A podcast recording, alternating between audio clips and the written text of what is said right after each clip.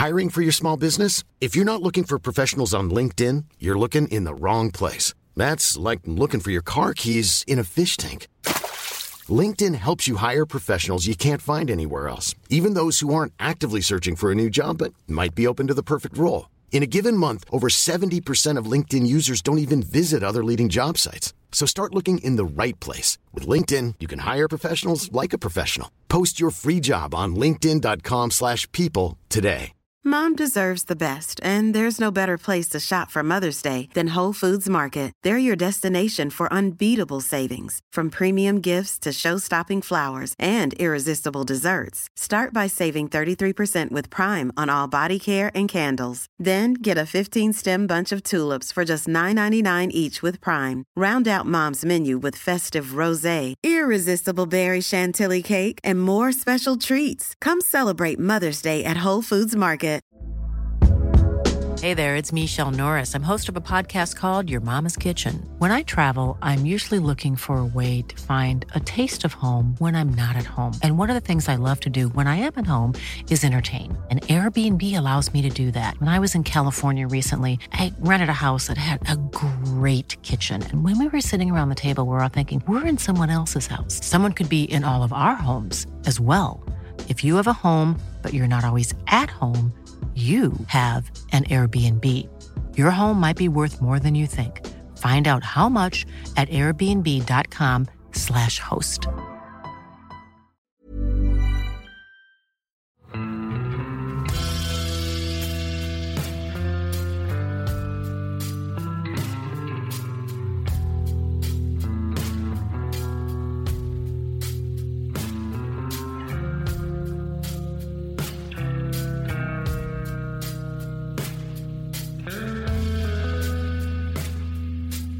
Hei og velkommen til podkasten Uteliv. Mitt navn er Randulf Valle, og sjøl om podkasten egentlig har gått inn i en sånn eh, mer eller mindre velfortjent eh, juleferie, så eh, har jeg tenkt å komme med en liten nyttårsspesial. For eh, jeg har jo i det siste oppfordra dere til å eh, poste bilder på sosiale medier med hashtaggen ekte friluftsliv. Eh, Og poste ekte opplevelser fra ekte turer, hvor ikke nødvendigvis alt gikk som det skulle. Og nå skal vi skru tida tilbake til nyttårshelga da 2001 blei til 2002. Og den turen som eh, jeg var ute på da, det var en tur som godt kunne kvalifisere til hashtaggen ekte friluftsliv. Og med meg på den turen i Børgefjell hadde jeg min kompis eh, Magnus Korpås. Velkommen. Takk, takk, Randulf. Det er veldig hyggelig å være her. I dag eh, tar vi opp eh, innendørs eh, på kontoret mitt, faktisk. Vi har et Børgefjell-kart foran oss. Litt av dagens julebakst. Det er sånn når man til tider er aleine med barna, så, så er det inneaktiviteter òg. Og vi skal altså mimre om en tur i Børgefjell. Husker du, Magnus, hvordan vi liksom kom på tanken om at vi skulle tilbringe nyttårshelga i Børgefjell? Ja, nei, jeg husker jo at det var Det var nå på en fest. Eh, på, vi var jo stipendiater på NTNU på den tida. Ble kjent gjennom eh, eh, andre stipendiater og begynte å prate litt eh, friluftsliv, fjelliv. Og så var det plutselig du som bare spurte meg en kveld om, om jeg ville være med på en eller annen, eh, en eller annen tur ute på, på ski i snøen og i kulda. Og jeg sa bare ja. Ja, og det var jo bra. Men uh, fordi at uh, altså det må være å bruke nyttårshelga til tur, det hadde jeg vel begynt med året før. For det liksom, det er jo greit med fest og moro, men det er jo artig med tur òg. Og juleferien, så lenge man ikke hadde barn og familie sånn sett, var jo veldig fin å bruke til å være ute på tur. Eh, Men, men i utgangspunktet, altså det, det vi endte med var en sånn luff, loffetur med utgangspunkt i Majavatn. Men eh, vi hadde vel et mer ambisiøst prosjekt enn som så, sånn originalt. Ja, planen var å krysse Eller planen din, Randulf, var at vi skulle krysse Børgefjell fra Majavatn til Hattfjelldal og ta skolebussen ned, eller hva vet jeg. Jeg var i hvert fall ikke helt eh, klar for eh, å starte min eh, sånn ordentlige eh, vinterfriluftskarriere på den eh, måten, så jeg foreslo at vi kanskje skulle ta en liten rundtur med utgangspunkt i Majavatn og eh, komme tilbake eh, på Majavatn. Og du, du, ble jo enig med meg i, i det, og vi planla ut fra det etter det, da. Mm. Og sånn I retrospekt så var det en veldig fornuftig avgjørelse. Fordi at uh, rundt nyttår, altså det er tidlig på året, det, det er korte dager, du, været kan være ustabilt, du aner ikke hvordan snø og føreforhold er og sånn. Så hvis jeg i dag hadde blitt kontakta, noen som hadde tenkt seg uh, å gjøre noe sånn uh, i månedsskiftet desember-januar, så ville kanskje mitt første råd til dem vært å ikke legge på seg så mye forflytningspress. da. Nei, det kan jeg si meg helt enig i. Jeg tror det var et eh, klokt valg også. Det må også sies at jeg hadde jo ikke vært eh, veldig mye ute på sånne turer før. Jeg har nettopp liksom fått uh, litt sånn friluftsdilla, da, og var jo bare kjempeglad for at du spurte. Og så dagen etter så var jeg bare oi, bekymra. Hva er dette her? Men det var, veldig, det var veldig morsomt å bare på en måte kaste seg i det. Men da med en rundtur og ikke en stor krysning, da. Så vi hadde planla å ta det litt mer laidback dag for dag.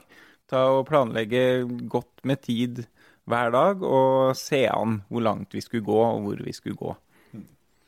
Yep. Nei, og eh, jeg var ikke sånn veldig erfaren med vinterfriluftsliv sjøl på den tida der. Det hadde ikke så veldig mange netter bak meg. Jeg hadde vært på, hadde vært på nyttårstur året før eh, i Gausdal Vestfjell. Og så hadde jeg vært alene i Padilanta og Sarek nasjonalpark hele den påska. Men det er jo noe annet å være på tur i påska enn i månedsskiftet desember-januar. Det er det, og særlig for en haldenser som var vant med å være ute på en tre kilometers tur opp og ned til Høyåshytta, som det liksom mest ville vinterutskeielsene. Så ja, det var det. Jepp. Men det var femte juledag at vi satte kursen fra Trondheim og nordover. Og jeg husker jeg kom hjem, eller tilbake til Trondheim, da, hadde vært hjemme hos foreldrene mine i Gausdal eh, jula, og tok toget oppover på fjerde dag. Eh, og toget var forsinka. Og det var ei jente som jeg likte litt, som hadde invitert meg på middag. Så sjøl om det var veldig, veldig uskyldige greier, så eh, så var jeg seint hjem igjen, og så hadde jeg liksom sagt til deg, og du skulle kjøre, at eh, det var liksom her eh, her eh, tenkte jeg at du, jeg skulle holde meg våken sammen med deg. For vi starta grytidlig fra Trondheim. Mm. Den, den der holde seg våken-prosjektet mitt det tror jeg ikke gikk så veldig bra. Nei, du var jo våken når du satt deg i bilen, det skal du ha. Men eh, så dreide det vel en kvarter, 20 minutter kanskje. Kom eh, så vidt ut av kommunegrensa før du sov eh, som en stokk. Og selv om jeg prøvde å spille ganske hard heavy metal på, på anlegget. Men du våkna vel igjen i sånn rundt Nordland, når vi kom kryssa grensa til Nordland porten til Nord-Norge. En sånn. Eh, fin greie som er der. Jeg husker at vi passerte Ranheim for de lokalkjente, og etterpå så var det litt sånn uklart. Men uh, Majavatn uh, var jo da et lite, om ikke pulserende sentrum, så var det i hvert fall et levende sentrum. Det var et hotell når du kom sørfra, litt før du kom fram til, til tettstedet. Og så var det ei veikro med litt spenstig meny. Eh, de har viltkjøtt og sånn. Og en liten butikk og et motell. I dag er det ingenting, og det synes jeg, jeg synes det er så trist å kjøre forbi der. Ja, det er jeg enig. Veldig trist at det ikke er eh, den muligheten til å stoppe og bare slå av en prat og handle litt. og Det var det vi gjorde, og det var eh, både nyttig og trivelig. Og samtidig fikk vi jo selvfølgelig en, nok en bekymringsmelding da, for hva i all verden skal dere ut i den eh, kulda og villmarken gjøre nå på den tida her av året, da. Mm. For så vidt berettiga. Jeg sjekka historisk vær på Yr, da, og den dagen der så var det Oppe i Fiplingdalen, litt lenger, sånn ei og en halv mil lenger nord, så var det 30 kuldegrader. Uh, og det var jo da ikke uvanlig at det var kaldere inne i fjellet. Så vi syntes det var litt kult òg, å gå på butikken og man forsto vi skulle til fjells. Men, men husker du, da, så var du bekymra før vi dro? Jeg var veldig spent. Jeg var litt bekymra, veldig spent. Men det pleier jeg alltid å være på nye ting. Og, men jeg prøver liksom å tenke at OK, det er verdt det. Jeg kan ikke stoppe, stoppe liksom i døra hver gang jeg er litt bekymra. Så jo, jeg var bekymra, men det var med måte, da. Mm. Det er absolutt. Ja. Ja, for, det, for, det, var jo første gangen du lå i telt om vinteren, ikke sant? Ja, ja, ja. Det var absolutt første gangen jeg lå i teltvinteren. Og jeg måtte lese meg opp og lære masse i forkant. Eh, sånn litt sånn teoretisk og litt eh, praktisk. Og eh, jeg husker du var veldig nøye på forberedelsene, Randulf. Det skal du ha. Du er i hvert fall veldig nøye på å eh, sørge for at jeg var forberedt på mine ting. Så jeg drev og Det, det var litt eh, sånn opp til eksamen, dette her, da.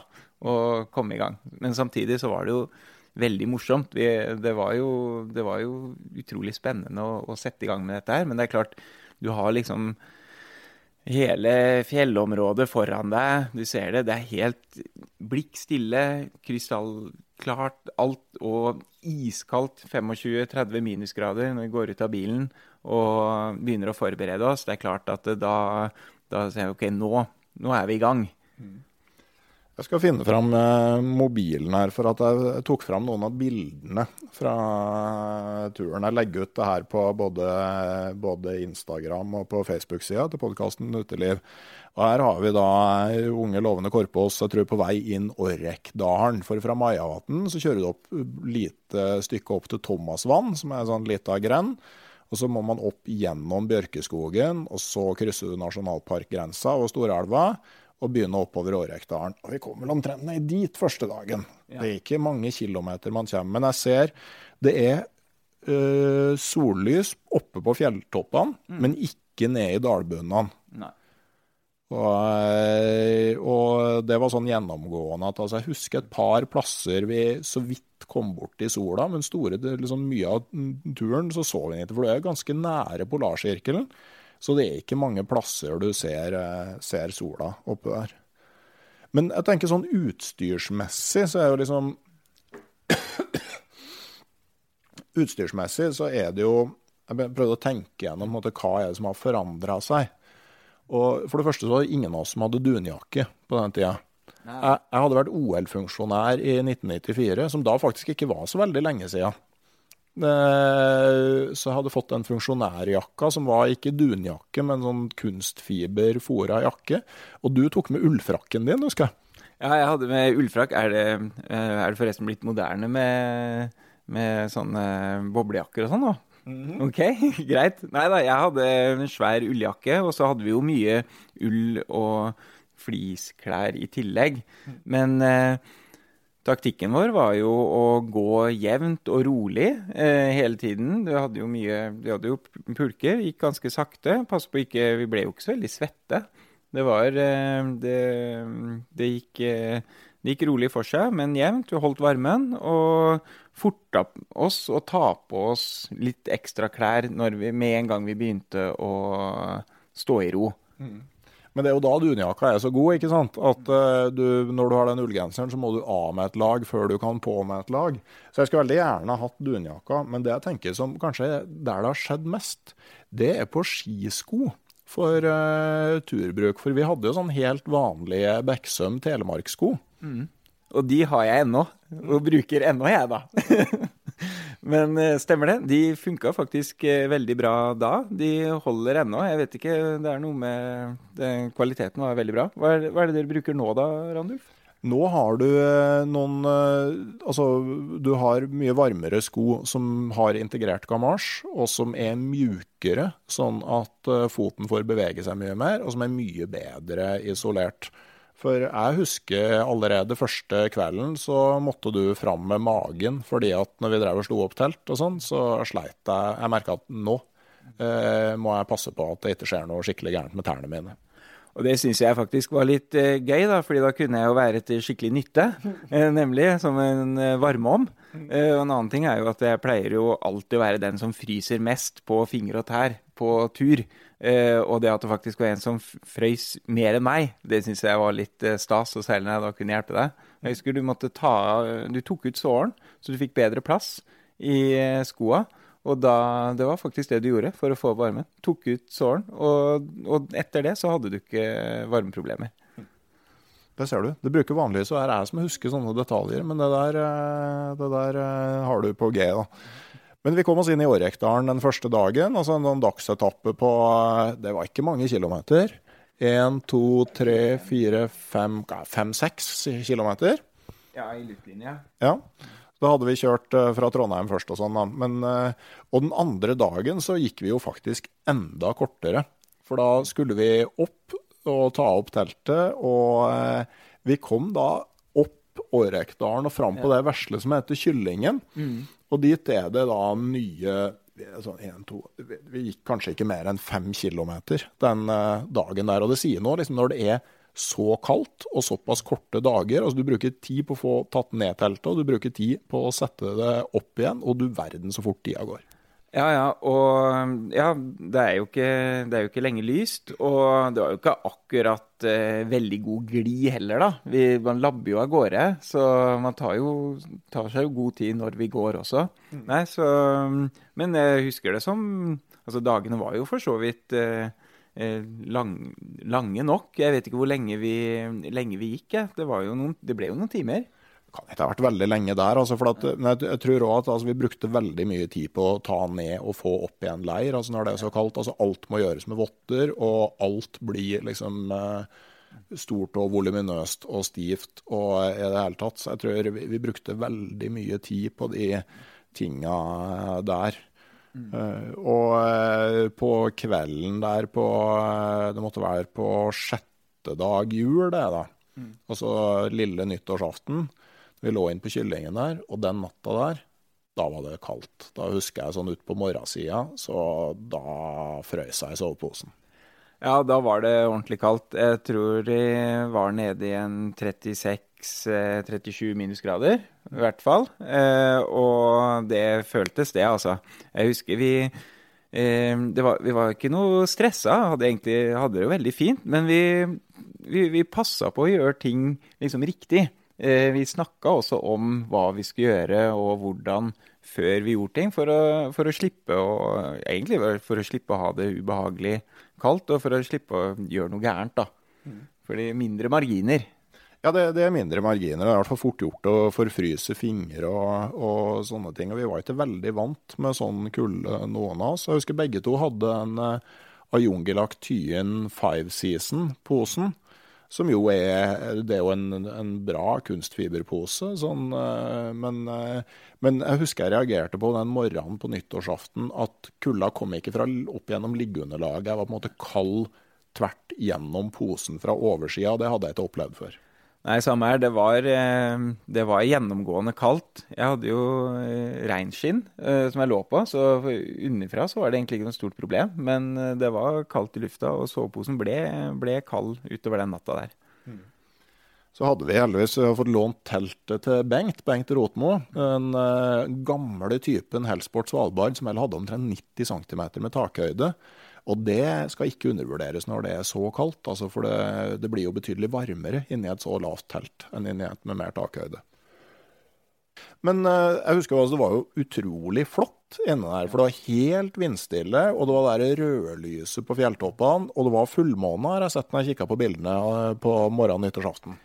Ja, og det var veldig mye snø i terrenget, så det var helt hvitt terreng. Og, og, og rødt, eh, rødt, fint Eh, sollys. Vi så som sagt ikke sola, men vi så at sola lyste på fjelltoppene. Og det var veldig vilt, veldig øde. Og det var, det var oss og oss. ja, så husker jeg vi gikk videre innover og gikk faktisk tilbake til Nord-Trøndelag, inn i Vjermadalen, må det ha vært at vi har ligget. Det var Vjermadalen, ja. Ja, inni her. Uh, og i løpet av altså Husker på starten av dagen på nyttårsaften så er jeg så minne om at vi, altså vi stoppa stoppa ikke for å, ta, for å spise eller noe sånt. Vi hylte i oss en kopp med noe varmt og spiste mens vi gikk. Men så tror jeg det ble en del mildere i løpet av dagen på nyttårsaften.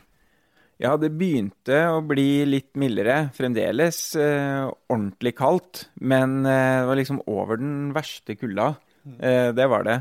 Men det var vel først eh, på morgenen på nyttårsaften at, eh, at vi ordentlig merka at det begynte å bli eh, litt væromslag.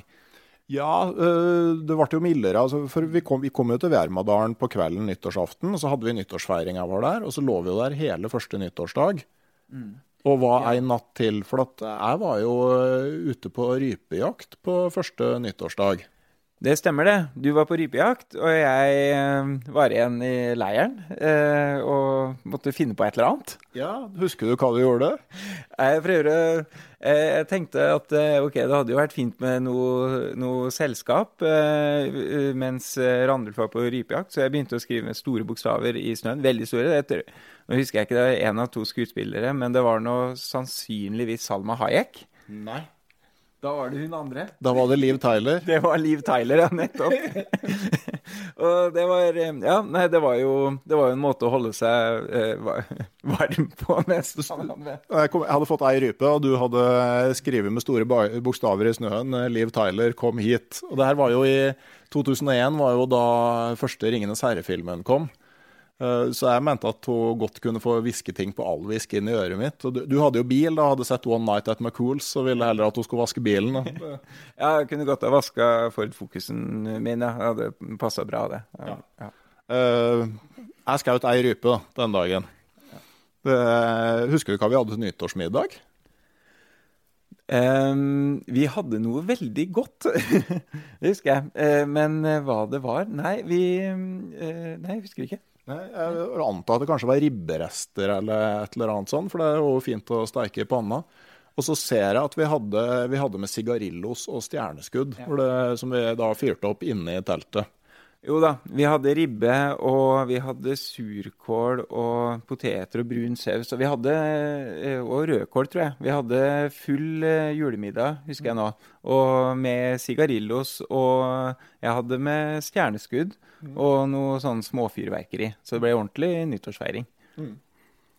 Ja, det var, og det, det, er jo veldig stas når du er der sånn inne mutters alene og, og liksom å ha det derre fin måte å markere nytt år på. Men så eh, andre nyttårsdag da, så begynte vi eh, på returen og kjente at nå blir det mildere. Og tenker liksom at OK, nå, nå har vi fått utfordringa vår på den eh, turen her, og det gikk jo egentlig ganske greit. Ja, da var vi ferdig med kulde, kuldeperioden og tenker ja, nettopp, det her behersker vi jo. Det er helt fint. Det var jo, som du sier, andre, andre nyttårsdag. Og vi bestemte oss for å bryte leir og gå, begynne å trekke eh, i en liten runde tilbake igjen mot, eh, mot Var det ikke Gjengelen? Jo, det vi endte, ja. vi endte vel opp med teltleir på Gjengelen. Ja. Og i løpet av dagen andre, andre nyttårsdag så merka vi at det begynte til og med å nærme seg eh, ja, nærme seg null. Det var kanskje fire minus, tre minus når vi kom til Engelen, og det begynte å komme litt snø i lufta. Fremdeles helt vindstille, men, eh, eh men eh, et helt annet vær enn når vi, enn når vi la oss dagen før. Mm. Så satte vi opp teltet. Jeg, husker, jeg lurer på om vi kan ha ligget ute på isen, for var ikke, altså snøen var ikke så fryktelig djup. Så det var litt sånn derre litt sånn kreativ bardunering og uh, sånne ting. Og så spiste vi middag, og så la vi oss. Vi, vi la oss uh, Vi slo leir uh, på isen, ja. Jeg husker, jeg husker det. Vi, vi, kom dit, og jeg så, jeg så at vi gikk Når vi gikk langs, langs vannkanten, eller strandkanten der, så var det en, det var en jegerhytte et eller annet sted i nærheten som jeg, eh, som jeg, hadde sett, da. Og tenkte at ok, hvis det blir skikkelig dårlig vær, her er det en hytte et sted. Mm. Hmm. Og så begynte jeg liksom å hinte til han som var litt mer erfaren. da, Vi skulle ikke liksom legge oss litt og slå leir liksom borti der, da. Så nei, på midt, midt, på vannet er det fint, var, tror jeg var din Kanskje ikke midt på vannet? Vi lå ikke midt på vannet. Nei, for det, for det ja. Men, men uh, lang historie kort, da. Været slo om i løpet av natta. Det gjorde det, og vi våkna med bokstavelig talt med et brak, uh, med vindkast og teltstenger som sto som en S i, i, lufta. Og det var dette store, romslige teltet var betydelig mindre. Det ble pressa hardt ned av både snø og vind. Ja, for vi hadde jo eh, sånn som vinden kom. altså Vi fikk heldigvis eh, vinden inn på kortsida av Helsport Svalbarden. Men vi hadde liksom det store ytterteltet mot vinden. Og det er ikke, altså, det, er ikke det ideelle. Det skulle helst stått andre veien. Men jeg husker at den derre uh, tunnelbuen i ytterteltet der sto og slo ned i bunnen av kuldegropa. Og det er ikke noe sånn veldig godt tegn. Nei, det sto på veldig. Det var, eh, det var voldsomt. Jeg husker at det tok ikke mange minuttene uh, før du våkna. Uh, jeg måtte vekke deg uh, flere ganger. Dårlig vær, Randulf. Og så liksom Det er dårlig vær. Og så Oi, OK, jeg bør kanskje komme meg ut en tur, sier du da. Og så Ja, skal jeg være med deg ut? Nei, nei, bare vær vekt. Og igjen så kunne jeg være nyttig på denne turen. Jeg var jeg måtte bare prøve å være så tung jeg kunne. Fordi det, eh, vinden røska skikkelig i teltet uh, unnifra. Og du måtte ut og begynne å spa. Prøve, i hvert fall. Ja. Og uh, vi hadde heldigvis to spaer, for jeg opplevde jeg satt fra meg en sånn rottefellespa i ei snøfonn, og den blåste bort, faktisk. Det, så jeg holdt veldig godt på spa nummer to, men da fikk jeg liksom justert ganske greit. Og så og, og, så ble jeg egentlig ganske rolig, for det var rimelig mildt. Og vi lå ikke midt ute på gjengel. Vi lå helt inne ved land, sånn at noen få meter unna teltet så var det en eh, slags formasjon. Altså vi hadde en skavl som lå helt i le, og når jeg kjente når jeg liksom kraup bortunder den, så var det egentlig ganske sånn behagelig. Så jeg tenker at om teltet spjærer, så finner vi spaden, eller bruker vi den ene spaden vi har, og så graver oss så godt inn i den skavlen her som vi klarer, og så kan vi sitte her til det løye. Men du verden for en vind det var. Ja, det var voldsomt. Du la jo pulkene over teltet for å holde det, å holde det på plass. Det blåste jo så sinnssykt, og vi måtte drive og slå ut snø hele tida for at det ikke skulle tette igjen. Mm. Eh, og nei, det, det sto på. Eh, det gjorde det. Og jeg var ikke spesielt eh, høy i hatten. Eh, du var rolig og tok det liksom kulig. Du liksom observerte jo at OK, nå er det skikkelig hardt vær. Og jeg, mens jeg var bekymra, da. Det må jeg jo innrømme. Jeg husker jeg tenkte at uh, det teltet her som vi hadde lånt av Bengt, det hadde jo Bengt brukt da han kryssa Alaska på ski vinteren i forveien. Så jeg at hvis det holdt den turen der, så skal det noe til at det spjærer nå. Men, men, det var det at barduneringa var litt sånn slurvete. Sånn at uh, når vi fikk kontroll på det, så tenkte jeg at uh, det her tror jeg går bra. Og jeg tror at jeg sovna igjen etter hvert. Ja, eh, du sovna, og jeg drev eh, sånn her eh, snødunkvakt, frivillig sådant, eh, for å holde liksom, ytter, ytterteltet sånn noenlunde eh, i, i, stand, da. Eh, og, fri for snø. Men jo da, jeg sovna jo litt etter hvert, jeg også. Og det ble jo morgen, og ja. Og det løya, og så blei vi der. Altså, for jeg lurer på om egentlig så skulle vi gått hjem igjen den påfølgende dagen. Men jeg tror vi hadde jugd litt til dem hjemme om når vi skulle komme, sånn at vi hadde en dag i reserve. Ja, vi hadde, jeg tror vi hadde to dager i reserve. Eller jeg hadde kanskje tre. Um, så vi, vi, tok en dag ekstra. Vi måtte det. Jeg tror ikke det var, hadde vært noe klokt i det hele tatt å begi seg ut på tur. Uh, bare det å bryte leir ville vært ganske umulig på den, uh, på den dagen etter den verste natta, da. Mm. For det blåste fremdeles voldsomt og var lite sikt. Mm. Så vi ble igjen, og da kosa vi oss faktisk litt. Uh, eller du kosa jo hele tida, men da, da, klarte jeg å begynne å kose meg òg. Jeg var jo som sagt var jo var jo ganske redd en periode der, det må jeg si. Men jeg husker når det ble kveld igjen, da imponerte du. For da tok du bare stappa ørepropper i ørene, og så var du borte ganske kjapt etterpå. Ja, da hadde jo da, I og med at det var så ille natta før, og nå var det fremdeles mye vind, men det var litt mindre vind, så, så ja, da, da, skjønte jeg at dette her, det her fikser vi jo. Og nå, nå får jeg bare slappe av. Jepp. Og eh, den siste sånn Jeg tror vi droppa liksom den rundturen vi hadde tenkt tilbake til Majavatn. Eh, at vi fulgte kjent rute tilbake, og da var det blitt skikkelig, skikkelig mildt når vi kom til den uh, siste dagen. Ja. Det regna jo eh, når vi dro. Eh, tenk det. Da var det altså Det var tre dager før så var det altså 35-36 minusgrader. Nå, nå, hadde det vært en stormfull dag og natt, og, eh, og da var det Etter det var det regn og tre-fire varmegrader, kanskje. I hvert hvert fall på plussida, det var helt sikkert. Og når vi kom ned til Majavatn, så hadde det vært så mildt at husker du, vannet rant på veien når vi skulle ned til Det var blankis og fossende vann i veien siste biten ned til der bilen var parkert.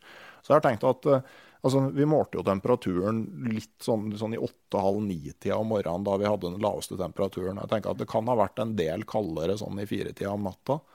Jeg vil tro at altså, Vi hadde et sted mellom 40 og 50 grader temperaturforskjell mellom den kaldeste og den varmeste opplevelsen på den turen der. Ja, på en, eh, på en maks eh, tre-fire dager så, så, gikk altså temperaturen opp på en, kanskje en 45 grader. da. Mm. Det er drøyt. Det har jeg aldri opplevd på en ukestur, verken før eller seinere. Nei, den uka der, den hadde jo liksom alt, da. Særlig for meg, da, som var ganske sånn totalt fersk i gamet. Det er jo en uh, tur som jeg husker jo alle dagene uh, som krystallklart nå. I hvert fall etter denne, etter denne samtalen her, da. Uh, og det satte jo virkelig spor, og det var, det var, litt av en opplevelse. Det var litt å skryte av òg, da. Mm. Det var en tøff tur. Ja, Familien da, hadde de vært bekymra med tanke på været? Ja, ja, de hadde jo vært eh, kjempebekymra. De var jo kjempebekymra før jeg dro òg. Eh, en som ikke var bekymra, var sikkert eh, Det var jo storebroren min, da. Han, han, kan ikke, han blir ikke bekymra. Men alle andre var bekymra, ja. De fulgte nøye med, og var, eh, var glad når de, når de, hørte fra oss, ja. Ja, for da var det innom eh, vertshuset på Majavatn og prøve ut menyen. Jeg husker de hadde bjørnebiff på menyen der. Ja, det hadde de. Eh, det spiste ikke jeg. Nei, ikke heller. Jeg tror det var noe hjort eller noe sånt. Vi spiste hjort, ja. Det var veldig god. Det er jo veldig synd hvis det er lagt ned, da. Mm. Det, var, eh, det var, helt perfekt å komme tilbake til sivilisasjonen igjen og, og spise god viltmat og cruise tilbake igjen med kajøs på anlegget. Det føltes, eh, føltes, bra. Da hadde vi hatt en bra juleferie, syns jeg. Ja, det, det, var stas. Og det at, liksom, at du kunne ha ei uke ekstra ferie med start femte juledag. Det, det, var jo veldig bra at vi gjorde det der da. Har, har du sovet ute på nyttårsaften noen gang seinere? Nei, ikke sove ute på nyttårsaften etter det. Det er vel ingenting som kan eh, toppe dette her, da. jeg vet ikke. Nei, men jeg har vært eh, Jeg er jo alltid ute på tur på nyttårsaften. Men eh, det blir jo, det blir jo gjerne litt sånn kortere dagsturer ut på ski og kose seg, og så eh, kose seg inne på kvelden, da. Det er kanskje, kanskje mer i min stil, tross alt. Men, eh, men du verden for en, for en nyttårsaften det var. Jeg begynte å telle opp og fant ut at det her var den andre nyttårsaften min ute. Og jeg har hatt åtte totalt. Eh, på tre forskjellige kontinenter. Så det kan hende at det her blir en liten sånn der eh, fast, eh, sånn fast punkt på programmet. At det blir podkasten Utelivs svar på 'Grevinnen og hovmesteren'. Med tilbakeblikk på en nyttårsaften utendørs. I så fall så har du jo kanskje vært med å starte en tradisjon da, Magnus? Ja, jeg håper da det. Det blir jeg jo, veldig nysgjerrig å høre åssen de andre nyttårsturene dine har vært. da. Det er jo antageligvis en litt annen form, farge. Ja, både òg. Eh, kanskje den som kommer sist i rekka av de eh, som er noe særlig å fortelle om, er da vi lå høydesjuke i en eller annen sånn mellomcamp på Aconcagua. Det, det var en eh, høyst forglemmelig nyttårsaften, egentlig. Ja, ja. ja var, eh, det, det, var i nyttårs, eh, i nyttårshelga, det, ja. ja. ja. Nei, men det får bli spennende å høre podkasten om den eh, turen, da. Ja, vi får tro at det kanskje kommer neste år. Jepp. Tusen takk for at du var med, Magnus. Da har vi jo fått gått gjennom en, en liten nyttårstur i Børgefjell. God tur til dere som skal ut. Jeg håper at jeg får meg telttur på nyttårsaften sammen med alle de tre jentene mine, store og små fire jentene hvis jeg tar med bikkja. Men det er litt avhengig av både helsetilstand og eh, i heimen. Det er en ganske sånn der eh, skjør greie når du har unger i barnehage og på skole, og litt sånn vær, da. Men eh, jeg har et håp om at det kan bli telttur på, på nyttårshelga i år. Og Da var det her en liten sånn spesialepisode, så det, det, kommer ingen ny episode om ei uke, tror jeg. Men eh, litt ute i januar, jeg får se når jeg starter på, så er podkasten Uteliv i gang med en eh, vårsesong med masse spennende temaer. Og inntil da så får dere jo rett og slett bare ta en eh, tur ut, eller høre gamle episoder. Ha det bra.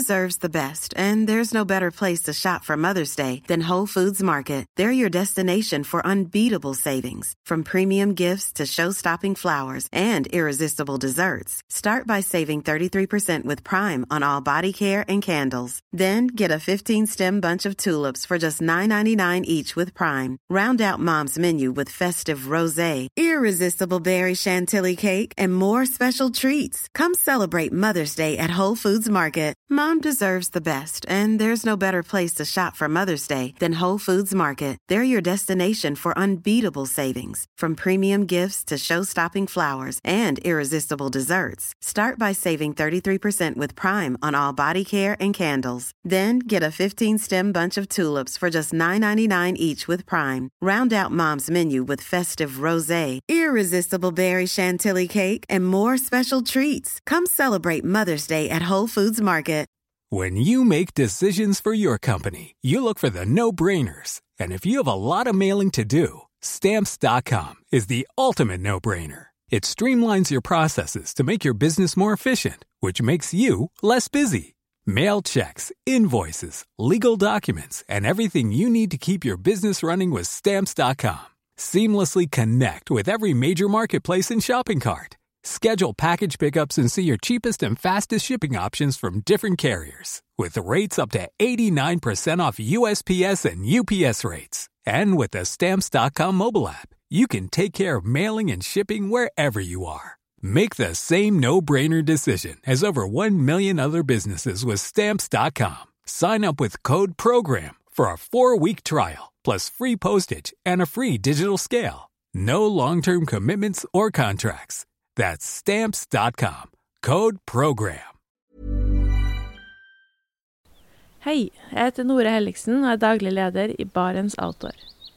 Det beste vi kan gjøre for planeten, er å redusere forbruket vårt og få mer ut av det utstyret vi allerede har.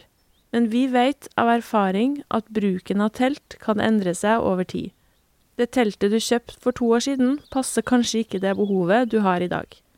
Derfor har vi i Barents etablert en egen panteordning der vi tar imot brukte telt av god kvalitet i innbytte når du kjøper et nytt av oss. Prosessen er enkel. På barentsoutdoor.no gir du oss informasjon om teltet du vil bytte inn. Basert på det får du et tilbud fra oss som gir deg rabatt på ditt neste Barentsprodukt. Mer info og betingelser finner du på barentsoutdoor.no. Og husk at den første reparasjonen på produkter fra Barents er alltid gratis.